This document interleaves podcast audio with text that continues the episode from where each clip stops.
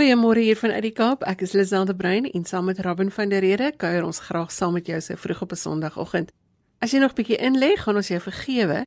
En as jy op die langpad is, weet ons jy kan RSG saamneem net waar jy gaan. So dankie dat jy saam kuier. En omdat jy ons oral kan saamvat, het ons stories uitgekies wat interessant is, nuuswaardig en om jou te inspireer vir die week wat voorlê. Vanoggend gesels professor Hoffie Hofmeyer oor 'n erebundel wat aan professor Gerald Pillay oorhandig is en Dominee Jana de Lange gesels oor die Universiteitsgemeente in Pretoria. Ons hoor ook van Dr. Bram Hannekom oor die gesprekke wat plaasvind voor die verkiesing en Dominee Erik Botha vertel hoe dinge daar in Sutherland gedoen word. Al ons gesprekke in vandag se program is as potgooi beskikbaar op die webwerf by rsg.co.za en die kontakdetail van ons gaste is ook op die webwerf of op Sondagjoernaal se Facebookblad.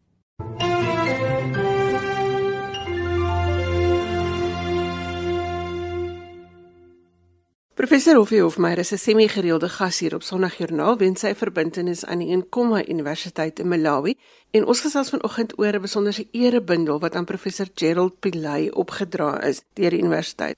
Goeiemôre professor. Goeiemôre Lisel en goeiemôre aan al die luisteraars aan hierdie pragtige program. Aan die einde van verlede jaar is daar 'n erebundel aan professor Gerald Pillay, die huidige rektor en fisiekanselier van die Liverpool Hope Universiteit in Engeland aan hom oorhandig. Wat was die motivering vir die erebundel en hoe het dit nou alles bymekaar gekom?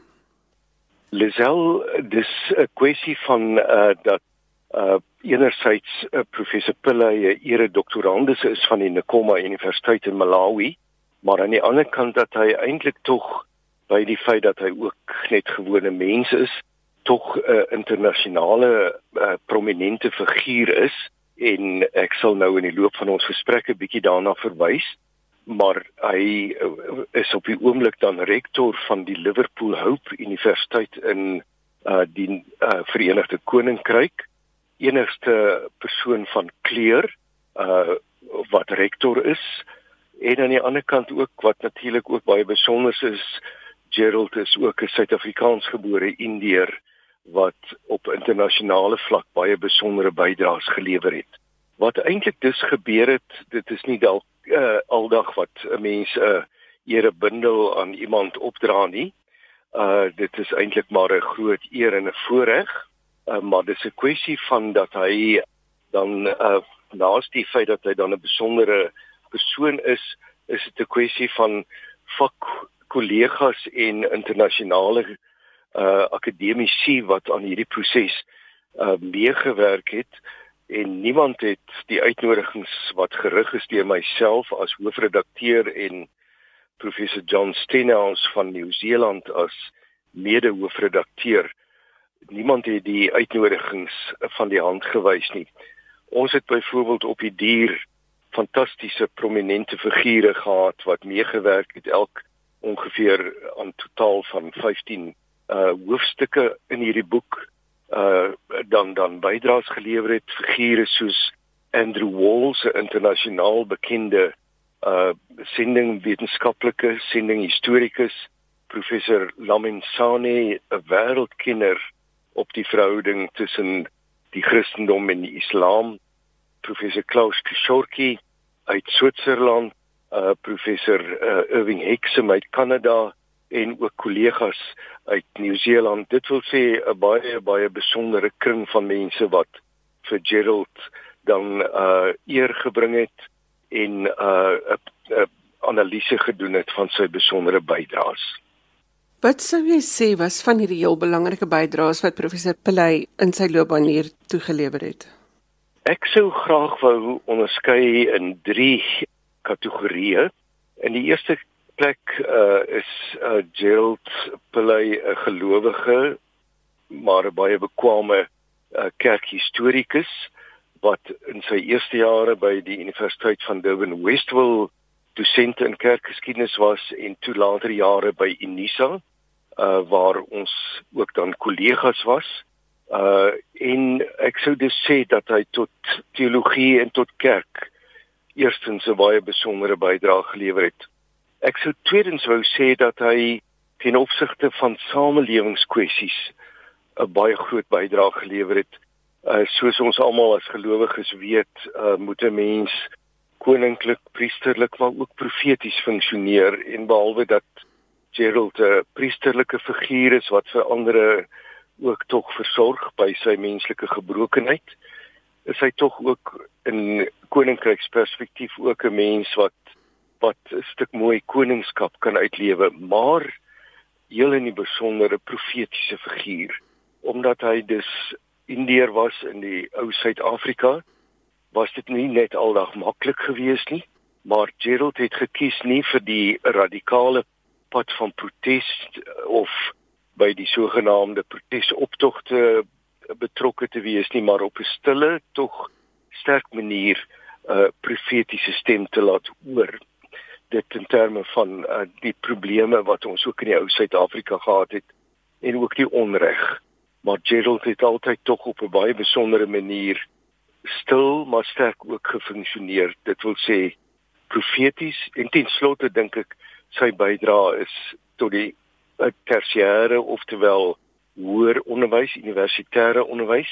Hy was uh in die Unisa konteks was hy 'n baie besondere figuur hy was selfs genoem as 'n moontlike kandidaat vir 'n rektoraat daar maar uh, met die oorgang na die nuwe Suid-Afrika was hy as Indiër ook nie uh in respek gesê uh, swart genoeg nie en hy het toe tog op 'n manier uitbeweeg na Nieu-Seeland waar hy 'n baie prominente rol gespeel het in teologiese en universitêre ontwikkeling en uiteindelik het hy toe nou rektor geword van hierdie universiteit in in Liverpool.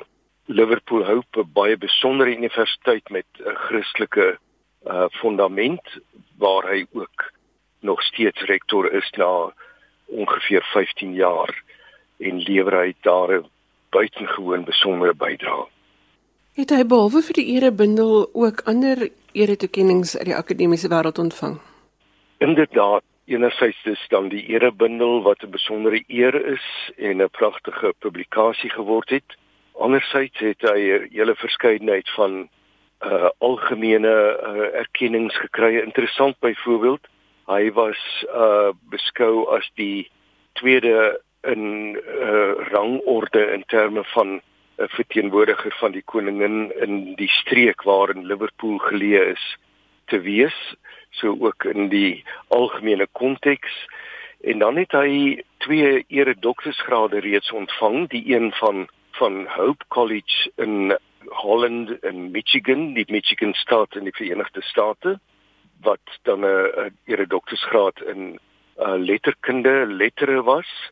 En dan het hy by die Universiteit van Nkoma in Malawi het hy ere doktorsgraad in terme van opvoedkunde gekry en wel met besondere verwysing na sy leierskapsrol.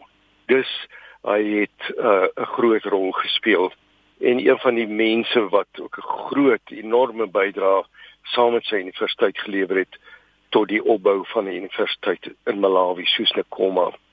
Soos terloops net, dit gaan besonder goed by Nkoma, weliswaar met besondere uitdagings ook en waar ek binnekort daar nou finaal uittreë uh ook leierskapsuitdagings. Ons gesels graag weer in die toekoms oor in Komma Universiteit. Professor, as jy net vir ons kan saamvat in in hierdie uitdagende omstandighede waarin ons lewe, wat beteken 'n erebundel soos hierdie?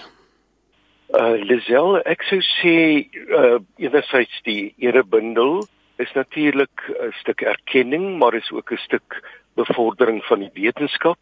Maar tweedens in terme van uh die lewe en die bydrae van Gerald Pillay as mens, as geroepene, dink ek in hierdie de mekaar wêreld waarin ons leef, is Gerald tog 'n besondere voorbeeld van teologiese gebalanseerdheid. Ons torring aan so baie dinge wat eintlik sekondêre kwessies is terwyl ons ons fokus soms verloor. Gerald is by die feit dat hy 'n briljante akademikus is, sy 'n diepgelowige mens wat aan die basiese van die Christelike geloof ook vashou, maar weliswaar met groot respek ook vir ander. Tweedens sou ek sê dat sy bydrae en wat nou beklemtoon word deur die uh erebundel is dat daar in ons tyd 'n baie kritiese behoefte en nood is aan mense met visie en met leierskap en ten slotte uh dat ons profeties ook sal funksioneer nie net in die ou Suid-Afrika nie maar ook nou in die nuwe Suid-Afrika met al die wanpraktyke en korrupsie en dis meer en net sê maar as Christene is ons nie bereid om hiermee saam te leef nie. Dus uh dit het besondere groot relevantie ook vir ons in ons tyd.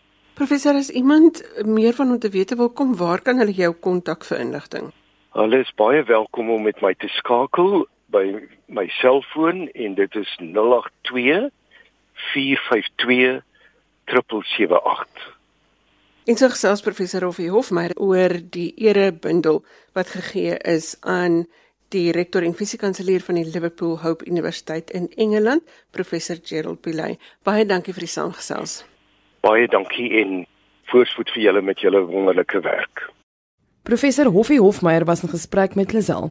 Goeiemôre, as jy nou net jou radio aangesit het. Ek is Robin en saam met Lazel gesels ons geloofsake. Onthou ook dat al die gaste se kontakdetail op RSG se webwerf is. Dankie dat julle saamluister. In ons gemeenskapsfokus loer ons vanoggend by 'n studentegemeenskap in. Domiana De Lange is studente-leraar by die NG Gemeente Universiteitsoord in Pretoria en ons hoor hoe dinge by hulle verander het oor die jare. Goeiemôre Jana. Goeiemôre Lisel. Vertel ons hoe lyk die gemeenskap in julle omgewing? Uh, wel ons is verleen by Pretoria Hatfield, ons is reg langs die Universiteit van Pretoria. So ons gemeenskap is maar hoofsaaklik studente in die omgewing, die koshuise, al die nuwe studente behuising. Ons is ook natuurlik daar by Brooklyn en Swan.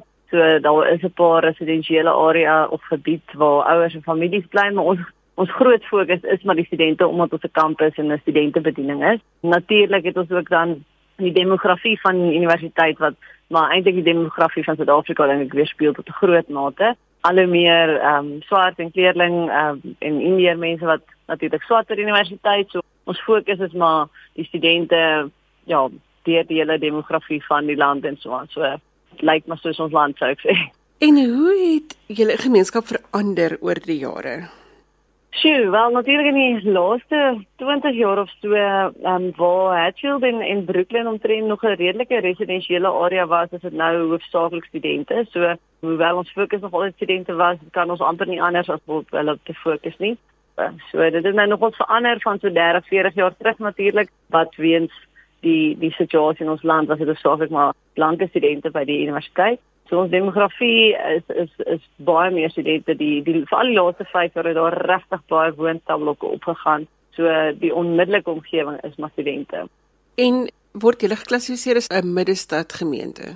Nog nie heeltemal nie. Ehm um, en wat tikkies is is eintlik maar nog so 'n bietjie op die rand van die middestad van Pretoria. So ons is maar nog eintlik meer 'n voorstedelike gemeente. Die middestad van Pretoria is nog 'n entjie van ons af ek amper sê en daai die demografie lyk like, nog nie heeltemal dieselfde as daar nie. Maar ons is nou by aan aan die middestad van Pretoria en natuurlik is al eintlik ook moet ek by sê baie studente wat self in die middestad woon wat dan nou in by by Tikkie swart.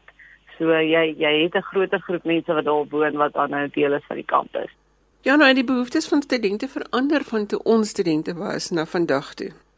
En 'n sekere sin ja en 'n sekere sin nee. Ehm uh, ek sê kom ons sê hoekom dit nie verander het nie. Student bly maar student. Hulle is besig om hulle identiteit op 'n manier te vind, vriende te probeer maak, uh net te kyk of hulle daarom kan deurkom want universiteit bly maar 'n uitdaging. So my belewenis met die studente in ons gemeente is maar verhoudings bly ook altyd 'n realiteit en al daai behoeftes is dieselfde. Maar wat dan wel gebeur het met die demografiese veranderings met die uh, skuwe in ons demografie en so aan. Is daar studente wat regtig, ons sien dit nou met fees mas vol van 2, 3 jaar terug en baie voedingsprojekte. Ons sien dat klomp studente wat kom studeer wat toelating het, maar het regtig finansiële nood.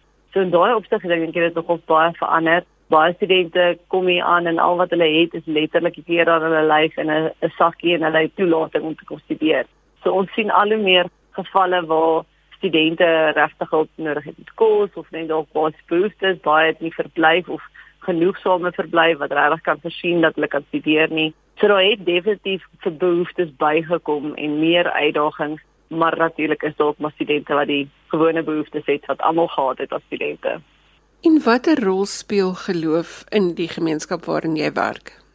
Sjoe, dit is 'n interessante moeilike vraag. Ek dink ons sien maar soos in die land in die breë is daar is maar minder of geloof is wil ek sê al die afname tot 'n groot mate in 'n klomp studente baie se geloof word uitgedaag. Ons sien nog altyd by studente geval van dis 'n soektyd van tyd van soeke. Sowel ons gemeente self het ons nou natuurlik almal wat by die gemeente is is die wat vir wie geloof ernstig is, belangrik is, graag moeite maak daarmee en baie van hulle tyd gee vir van wie hulle geloof. Maar ek dink ons sien ook 'n groot afname in getalle in baie studente gemeentes en in die behoeftes van studente omdat hulle of besluit hulle hulle wil nou niks met die geloof te doen hê nie of partykeer is net so 'n bietjie man ek hoef nie meer kerk toe gaan om my wale verwag ek moet nie so nou kan ek kies wat ek wil doen. So dis moeilik om te sê daar is natuurlik 'n sterk komponent van studente wat nog vir wie geloof nog belangrik is en 'n groot rol speel in hulle lewens. Byvoorbeeld ons het amper 42 verskillende Christelike bedieninge op kampus wat studente bedien, maar tog besef ons daar is omtrent ek nou versigtig van my persentasies, maar kom ons sê so 70%, 60% van studente op kampus wat nie tans in enige vorm van 'n Christelike bediening is nie of gemeente is nie. So daar is definitief 'n klomp wat sê maar geloof beteken nie regtig vir my veel nie, maar daar is nog 'n groot klomp ook wat sê maar Here en en die kerk is vir my belangrik. Ons staan nou hier in Paastyd. Is dit 'n spesiale tyd vir julle ook in daardie gemeente? Yes, baie besonder. Ons um, ons vir al die laaste klompie jare het ons weer die diepte en waarde van lydenstyd wat ophou na Paasfees toe en ook dan nou Heilige Week en en Paastyd herontdek wil ek amper sê ons doen moeite om dit vir die studente weer iets te maak dat Paasfees er meer gaan as net 'n afnaweek en 'n vakansie of Paaseiers. So ons het um, byvoorbeeld hierdie jaar het ons 'n lekker van Paas op Palm Sondag van hierdie sonne begin 'n hele Paasprogram met 'n besondere hoogtepunt Woensdag aand wat ons 'n vertoning het met klassieke musiek en soliste en 'n simfonieorkes wat dan nou kruishoutklanke is die geleentheid waar ons met beeld en musiek iets van Jesus se kruisiging uitbeeld en dan is dit die begin van ons Paasnaweekvieringe waar ons die dondergade stil nagmaaldiens het, goeie Vrydag se standaarddiens met 'n kruisoptog dra wat iets van beleef van Jesus se kruisiging en dan natuurlik Sondag het ons die die sonsopkomsdiens wat iets vier van Jesus se opstanding. So dit is vir ons regtig 'n besondere tyd. Kan ek vra jy het nou genoem van die geleentheid waar die soliste gaan optree? Waar gaan dit wees? Dit is by ons gemeente en die universiteit se, ons is op die hoek van Harold en Duxbury Straat en dit is ook vir almal, daar's geen koste aan verbonde nie, dit is sommer net 'n lekker geleentheid om die paastyd in te gaan. Ja, nou baie dankie dat jy van die hart van julle gemeente met ons gedeel het en sterkte vir die paastyd wat voorlê vir alles wat julle daar gaan doen. Dankie Lisel, mooi dag vir jou.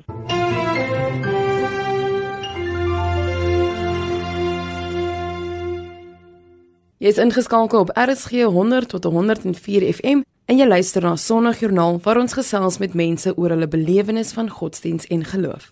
Dr. Brahman, ek kom ons van die Sentrum vir Publieke Getuienis en ons gesels vanoggend oor hierdie tydvak na aanloop van die verkiesing. Bram, goeiemôre. Goeiemôre Lisel. Baie mense het nou al gesê hulle is nou al seker en sat vir al hierdie gesprekke wat rondom die verkiesing plaasvind. Maar daar is tog 'n belangrike ding wat ons in gedagte moet hou. Ons as gelowiges het 'n taak om onsself in die aanloop na die verkiesing op 'n sekere manier te dra. Dit is so ons moet stem, alles moet gebeur. Hoe moet ons hierdie ding aanpak? Jogg, dankie Lisel en dankie vir die vraag. Jy sit 'n baie belangrike ding op die tafel. Ek wil begin deur te sê ek dink gelowiges en ook gemeentes en kerke onderskat hulle rol in 'n komplekse tyd soos hierdie. En mag ek sê dis 'n broostyd, ons weet dit almal ons sien die protes, ons sien die geweld wat eintlik maar 'n simptoom is van diep onderliggende frustrasie by baie baie miljoene mense in die land oor 'n verskeidenheid van onderwerpe of dit nou behuising is en of dit werk is en of dit plaaslike regering is en dit is maar eintlik net die vrugbare bodem waarop mense dan kan inspeel in 'n tyd soos hierdie. Die vraag is inderdaad, wat is 'n vry en regverdige verkiesing? hoe bevorder ons 'n konstitusionele demokrasie? En ek wil nou maar sommer dit reg aan die begin sê en ek en hy sal nie omgee as ek dit sê nie. Ons het nou die dag 'n besoek gehad van van eerwaarde Courtney Sampson, hy's die hoof van die OVK in die Wes-Kaap.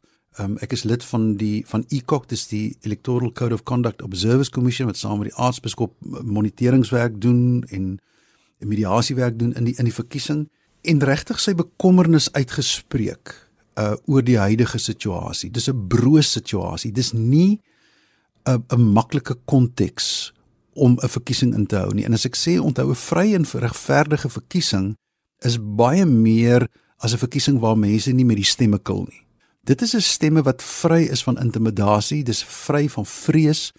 Dit is ook vry waar mense regtig verantwoordelik uh, objektief kan dink en mag ek sê as gelowiges voor God hulle roeping in die land kan uitklaar en in 'n onderskeidende proses sê maar nou gaan ek ek is nie geïntimideer deur iemand nie ek is nie gemanipuleer deur iemand ek is nie voorgeskryf en nou gaan trek ek my kruisie regtig in vry. Dit dis 'n vry en regverdige verkiesing. So ek sit 'n mond vol op die op die tafel maar so het uh, Courtney Sampson toe gekom en gesê maar julle moet met julle gemeentes praat. Daar's 'n ding wat die Engelse noem civic education publieke opvoeding. Dit is nie politiek om met gemeentes te praat oor wat dit beteken oor wat 'n vrye en regverdige verkiesing te beteken nie. Dit gaan oor mense se lewens, dit gaan oor demokrasie. Dit het niks met politieke partye te doen nie. Dit wil juis wegstaan van politieke partye en sê, maar wat is 'n vrye en regverdige verkiesing? Wat is die verantwoordelikhede as 'n burger? Hoe bou ek 'n demokratiese samelewing? Hoe hoe bou ek my konstitusionele bedeling waarvan ons deel is? en watter rol kan ook ons as gelowiges, volwasse gelowiges wat denkend, rasioneel uh, nie emosioneel bitter in die saak omgaan nie, het ons 'n bydrae om te speel in hierdie tyd. En en ons moenie bang wees om daaroor te praat nie en ook baie dankie vir die tyd op die lig om hierdie saak so op die tafel te sit. Dit is belangrik dat ons elkeen as 'n individu, as gelowiges, oefen ons elke dag ons reg uit om te glo in God. Ja. Daar's mense wat dit nie doen nie, maar ons het die reg en dit is ook wat die Christelike geloof anders maak as ander gelowe. Ons kies, ons kies om te glo of ons kies om nie te glo nie. Maar as 'n individu het jy verantwoordelikheid. Jy het 'n verantwoordelikheid hoe jy hiermee omgaan, jy het 'n verantwoordelikheid hoe jy hieroor praat, jy het 'n verantwoordelikheid hoe jy met ander mense ook beïnvloed en die regte goed sê. So presies wat is dit wat hulle wil hê gemeentes moet vir mekaar sê? Wat is hierdie opvoeding wat moet plaasvind? Watter verantwoordelikheid moet ons neem as gelowiges? Wel die eerste is wat ons dis die maklike ding om te sê, onthou jy's 'n vrye individu. God het jou so gemaak. Jy hoef jou deur niemand te laat voorskryf of intimideer of te laat voorsê nie. Die tweede is om gelowige te wees beteken nie dat jy nie ook 'n denkende persoon is nie. Ons het op hierdie program dit al baie vir mekaar gesê. So gebruik jou gesonde verstand. Kyk, wees ge, dit is dit's verantwoordelik gelowig om geïnformeerd te lewe kyk na die samelewing, neem besluite. Die derde wat ons sê is om 'n gelowige te wees, om met nuwe denke, daai ek dink daai teks in, in in Romeine 12 wat sê dat God julle denke vernuwe. Ag, daai teks word so misbruik vir almal wat nou hier ons in 'n nuwe rigting wil laat dink. Maar dit beteken dat my denke selfstandig, onafhanklik kan wees, geïnformeerd gewees, gelei deur die Heilige Gees. En op grond daarvan dat ek regtig 'n vrye proses kan ondersteun dit beteken verder dat ons met vrymoedigheid met ons uh, uh mense sal praat nie net oor die verkiesing nie, maar ook na die verkiesing. Hoe tree ek op as 'n gelowige? Hoe tree ek op as my party dalk nie gewen het nie? Hoe tree ek op as ek voel ek word te nagekom? Wat is 'n verantwoordelike burger? Nie net wat is my regte nie, maar wat is ook my verantwoordelikhede? nie net wat moet ek ontvang uit die uit die bedeling uit nie, maar wat moet ek terugsit in die bedeling. So die lysie gaan eintlik net aan en aan. Mense het dit inderdaad al gesê. Ons ons is ons is baie sterk op ons regte, maar ons is swak op ons verantwoordelikhede. En dit is so die verkiesing is eintlik maar een moment in 'n groter demokrasie, in 'n samelewing. En ons as kerk het 'n verantwoordelikheid om daaroor met mekaar te praat. Dit voel vir my asof ek dieselfde ding wil sê oor ons verantwoordelikheid om ons stem te laat hoor. Want ons het baie om te sê, maar wanneer dit kom by wanneer ons byvoorbeeld moet sê ons stem vir of teen kom ons sê byvoorbeeld die wet om godsdienst deur die regering te laat beheer, dan is daar 'n proses waar jy jou stem kan laat hoor, maar mense sê dit maak nie saak nie, my stem alleen gaan nie tel nie, maar dit is 'n onverantwoordelike siening, is dit nie? Ek dink so, uh, ek dink absoluut so die hele vraag oor oor instellings uh, in 'n samelewing, kerke, regering, onderwys, howe, reg, polisie. Ek ek dink nie ons ehm um, dalk is dit nou anglisis maar jou jou jou institusies, jou instellings is verskriklik belangrik. En daar is 'n beweging uh reg oor die wêreld dat ons eintlik 'n bietjie keelvol is vir al die instellings. Jy sien dit tot in die Britse uh, uh, politiek. Mense sê hulle het hulle rug gedraai. Ons wil niks meer met die politici te doen nie. Of mense wil sê ek wil niks meer met tussenode te doen nie. Of hulle sê ek wil niks meer met die onderwysstelsel te doen hê nie. Of die polisie het ons geval, ek sal nou my eie boendo of of ek kry maar 'n onafhanklike privaat maatskappy. Jy sien hierdie beweging reg oor die wêreld. Elisel, ek verstaan die emosies van mense wat dit sê, maar dis 'n gevaarlike pad. 'n Goeie samelewing is 'n samelewing waar daar goeie instellings is.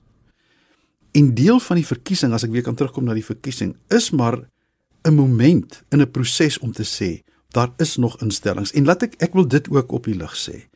Ek was bevoorreg om nou by 'n paar geleenthede van die OVK te wees, die onafhanklike verkiesingskommissie. Ek was beïndruk. Ek was beïndruk met die professionaliteit, ek was beïndruk met die waardestelsel, ek was beïndruk hoe daar met die politieke partye omgegang is en miskien moet ons dit vir ons mense sê dat ons vreesagtigheid moenie daar lê nie. Ek wil nie sê dat daar nie in 'n plekkie hier of daar 'n ongeruimdheid of wat sal sal plaasvind, maar daar's soveel kruiskontroles. As jy die ons verkiesingsproses in Suid-Afrika sien, hoeveel kruiskontroles daar ingebou is. Dis eintlik ongelooflik. Dit is 'n kragtige onafhanklike instelling. Dit moet beskerm word, dit moet ondersteun word en ons met 'n positiewe gesindheid en met 'n lied in ons hart gaan om op die 8de Mei ons kruisie te gaan gaan dra. Dan bou ons aan die instelling. Maar dit ons net sê dit stop nie daar nie daar's ook ander instellings en daar's sommige van ons instellings wat nie is waar dit moet wees nie. Ons moet dit vir mekaar sê, maar om vir elkeen om op sy eie klei te gaan sit en te dink ek stig my nou my eie republiekie hier waar ek is, daai ding gaan nie werk nie. So die boodskap is bly positief, neem deel, laat jou stem hoor en maak seker dat die regte gesprekke plaasvind op die regte plekke. Die verkiesing is hierdie verkiesing sê meer mense en analiste sê dit maar ek tel dit ook onder die voetvolk op. Hier is 'n ek wil nie sê 'n 'n angstigheid, want dis nie die regte woord nie. Dis asof mense aanvoel hier's iets in die weer. En dit is hoekom ons waarskynlik ook die gespannenheid sien onder politieke partye en soms soms die optrede wat ons kan regverdig nie. Dit is 'n 'n grondverskuivende verkiesing. Ek ek is regtig van ons die die landskap is besig om geherdefinieer te word. Dit gaan weer gedefinieer word. En ek wil nie onnodig vroom klink nie, maar, maar weet jy, Ek bid so en ek nooi mense uit om saam in gebed op te tree. Here, mag U deur U Gees op die 8de Mei dinge in die land laat gebeur wat groter is as wat ons kan bid of dink. En onthou dit, dis nie net op die 8de Mei nie. Dit gaan ook oor die proses na die 8de Mei. Wie ook al verkies gaan word. En ek wil weer sê wie ook al verkies gaan word. Die Here gaan nog steeds daar wees en die protes stop nie op die 8de Mei nie. Dit beteken ook nie as jy as jy nou goed voel oor hoe die ding uitgeloop het dat dit nou die slag gaan slaan vir Suid-Afrika. Nee. Die proses begin eintlik op die 8de Mei en mag ons saam hande vat en so 'n wonderlike toekoms bou. Bram baie dankie vir die saamgesels vanoggend, 'n bietjie oor die politiek op 'n positiewe noot. Dankie Lisel. Dankie Dr. Bram Hannekom vir die vroegoggend saamgesels hier by ons in die ateljee. Die stasie is RSG en ons gesels geloofsake. Goeiemôre vir die wat nou net ingeskakel het. Die program is Sondagjoernaal en jy kan saamgesels by ons SMS nommer 45889 teen R1.50 per SMS. Sutherland is bekend vir sy koue, vir sy sterre en vir die sterrewag, maar vanoggend gesels ons oor die kerk op Sutherland en Dominee Erik Botha sluit by ons aan om oor hierdie dorp te vertel. Goeiemôre Erik. Goeiemôre Lisel en dankie vir die voorreg om ook met jou te kan praat. Erik, hoe lyk Sutherland se gemeenskap? Al baie jare gelede was dit maar net 'n klompie boere wat in die gebied gebly het. Die dorpie het eers ontstaan toe die NG gemeente in 1855 gestig is. Die huidige kerkgebou is in 1899 gebou. Dit is baie plattelandse gemeentes het die dorpies rondom die kerke ontstaan. Sutherland is geleë op die Roggeveld Plateaurand, 'n baie koue streek, gemiddelde temperatuur maar van 11.3 grade Celsius per uh, die jaar. Nou die dorp is maar klein en het net onder die 3000 inwoners. Die verhoudinge tussen die mense is oor die algemeen heel goed en ons het baie min misdaad waar ons baie dankbaar is. Die gemeenskap is hoofsaaklik Afrikaans sprekend met 'n plattelandse kultuur en baie gasvrye mense. Die ekonomie bestaan hoofsaaklik uit skaapboerdery en verder is daar enkele besighede, munisipaliteit verskaf werk, die skole Maar dan is toerisme ook baie belangrik vir die dorp en ook vir die hele gemeenskap. Gelukkig die sterrewag en salt en 'n planetarium wat hier is, uh en ook 'n enkele persone wat hulle eie teleskoop het waar mense die lug ruim kan bekyk, het 'n groot aantrekkingskrag vir toeriste. In se hoogte as ook die afstand van groot dorpe en stede maak dit van die donkerste plekke op aarde en die sk sterre skyn dis jy's hier op die helderste. Daarom is Sutherland dan ook bekend as 'n sterredorp. En van weet die baie toeriste, is hier heelwat gastehuise met 'n paar goeie restaurante wat help werk skep. En dit is so belangrik omdat ons ook maar 'n gemeenskap is waar daar baie baie werkloosheid is. Nou op die oomblik gaan hierdie hele gemeenskap gebuk onder 'n baie knellende droogte. Dit is al die 5de jaar wat hierdie droogte nog nie aangaan nie. Een van die lidmate skryf die volgende: Op geen ander plek skyn die sterre so helder nie. Maar veral vir ons boeregemeenskap flonker die sterre nie meer nie. Ons is geestelik te gebroke om selfs op te kyk na die hemel. Maar hierdie droogte sê dit strek verder as net die boere. Die dorpse besighede kry swaar. Die werkloosheid het net al hoe meer geword en armoede onder alle gemeenskappe verhoog en mense is maar baie gespanne en bekommerd en daar's baie wat depressief is en dit is in hierdie omstandighede uh, wat die kerk dan ook 'n roeping het. Ek wil nou net vir jou vra Erik, watter rol speel die kerk in die dorp en in die gemeenskap? Dit juist in sulke omstandighede die kerk roeping om 'n boodskap van hoop te bring. Om mense op te bou in geloof, maar ook om daadwerklik mense by te staan in hulle nood. Die grootste gemeentes op die dorp is die NG Kerk en dan die VGK. Maar daar's ook 'n APK gemeente en dan 'n hele aantal kleiner onafhanklike kerke. En al die gemeentes kry ook maar swaar as gevolg van die droogte omdat lidmate ook maar baie baie swaar kry. Maar die gemeente poog tog om daadwerklik regtig mense in nood te by te staan. Ons kon die afgelope jaar deur genade uh, ook finansiële hulp gee uh, aan die gemeenskap juis rondom droogte, droogte hulp vir die boere. Alsaiter word daar 'n hele aantal gesinne elke maand versorg uh, wat 'n vaste bedrag kry. Dit geskied al oor 'n taamlike lang tydperk. Ons gemeente ondersteun ook 'n sopkombuis wat die lidmate bedryf word en waar talle minderbevoorregte kinders uit ons brein gemeenskap daagliks kos kry. Dan eenmal 'n week word hulle ook aan die evangelie uh, blootgestel word hulle dinge uit die Bybel uitgeleer en op uh, op 'n manier ook so bereik. Dan is daar hulp wat geleen word aan 'n uh, Juenko, dit is die ouer huis van die dorp wat mense uit alle bevolkingsgroepe huisves. So die kerk is daar betrokke daar ook finansiëel. Die VGK gemeente word ook uh, ondersteun. Maar dan is daar een van die positiefste dinge wat in hierdie droogtepyd ervaar word. En dit is die liefde wat 'n mens besef wat daar tussen mense onderling is, ook veral tussen Christene. Ons gemeenskap het soveel hulp van ander gemeentes en gelowiges ook ontvang. Hulp van gemeentes uit die ring van Woester, van Drakensberg gemeente.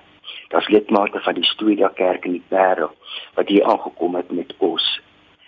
Dit is net wonderlik dat dit mense besef oor hoe mense geraak is op ander plekke oor wat hier gebeur. Van die Weskaapse sinode het ons hulp gekry. En so besef ons net weer hoe ons deel is van die liggaam van Christus.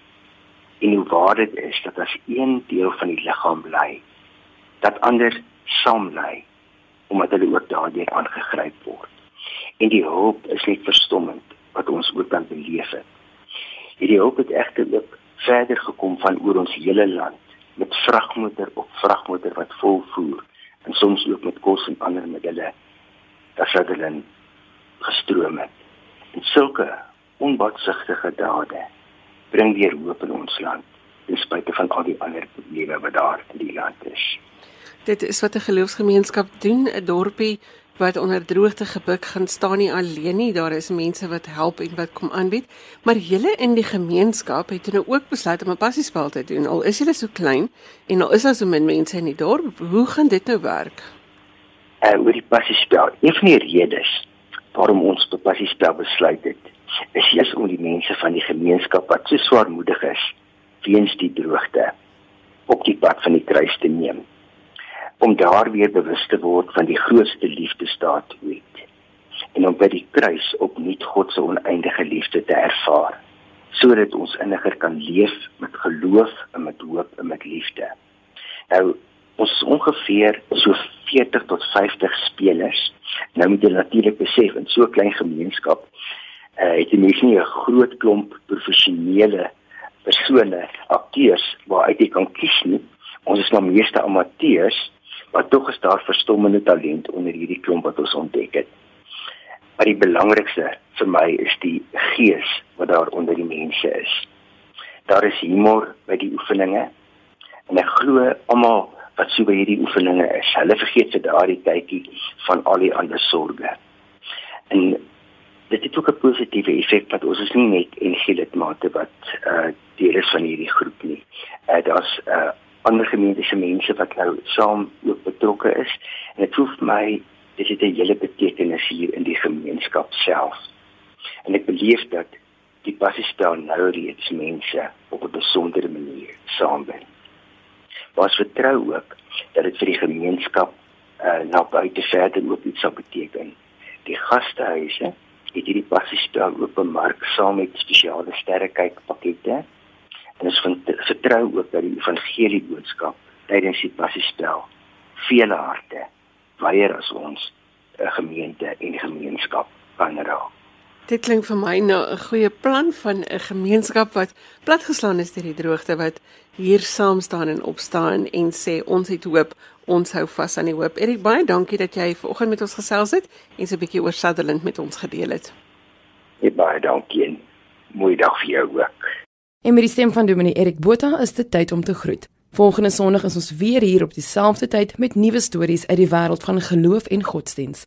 Stuur gerus vir Lazel 'n e-pos as jy jou storie met ons wil deel. Haar e-posadres is lazel@wwmedia.co.za. Dis Lazel L E Z E L L E by wwmedia.co.za. Ons gaste vanoggend was professor Hoffie Hofmeyer, Dominee Jana de Lange, Dr. Bram Hanekom en Dominee Erik Botha van Sutherland. Ons program is as 'n potgooi beskikbaar. Jy sal dit op die webwerf kry, gaan kyk net onder die potgooi opsie en soek dan vir Sondag hierna met vandag se datum. Ek groet ook, dankie dat jy ingeskakel het. Dankie vir diegene wat hulle stories met ons gedeel het en onthou gaan maak 'n verskil in net een persoon se lewe vandag. Tot volgende week, totsiens.